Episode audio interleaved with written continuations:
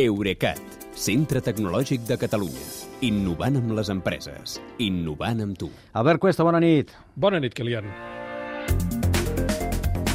En plena transició energètica, la indústria de les energies renovables s'està trobant sense un element fonamental, dèiem. I quin és? Doncs mira, les empreses que es dediquen a les instal·lacions fotovoltaiques per autoconsum diuen que no tenen prou personal per fer-les. Mm.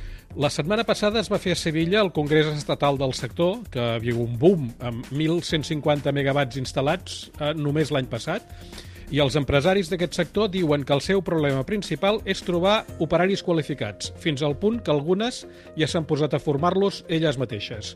I com deies allò al collet d'Índies, jo t'ho puc confirmar de primera mà, perquè ah. a casa no han vingut fins aquesta setmana a instal·lar-nos les plaques solars i l'inversor que vàrem comprar a finals de desembre de l'any passat. Aviam, finals de desembre comprades.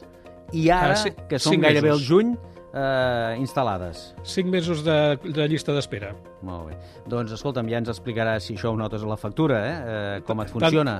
Tant de bo que la paciència hagi valgut la pena. Veurem, veurem si tenim un marge de temps fins que s'acabi la temporada per un dia explicar com ha anat eh? aquest període De- de ja instal·lada aquesta energia.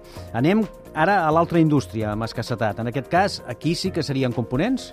Sí, eh, és, la indústria són les fàbriques de cotxes i amb els components no parlem de xips en aquest cas, sinó d'una cosa molt més bàsica que és el cablejat.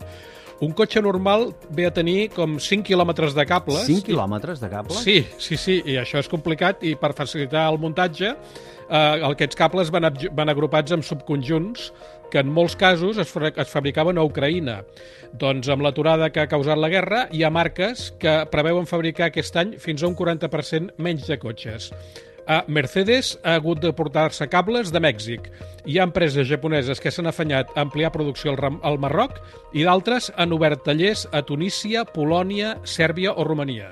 La importància de tirar un cable quan algú el necessita, eh?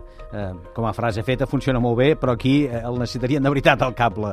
Els cables, eh? Molts cables. Molts cables. Molt més enllà dels semiconductors famosos, eh? que ja sabem que són el gran problema, però hi ha altres coses, hem vist. La indústria auxiliar eh, cobreix molts altres aspectes. Sí, sí. Escolta, moltes gràcies, ja ens aniràs informant. Fins demà, Kilian, bona nit. Eurecat, centre tecnològic de Catalunya.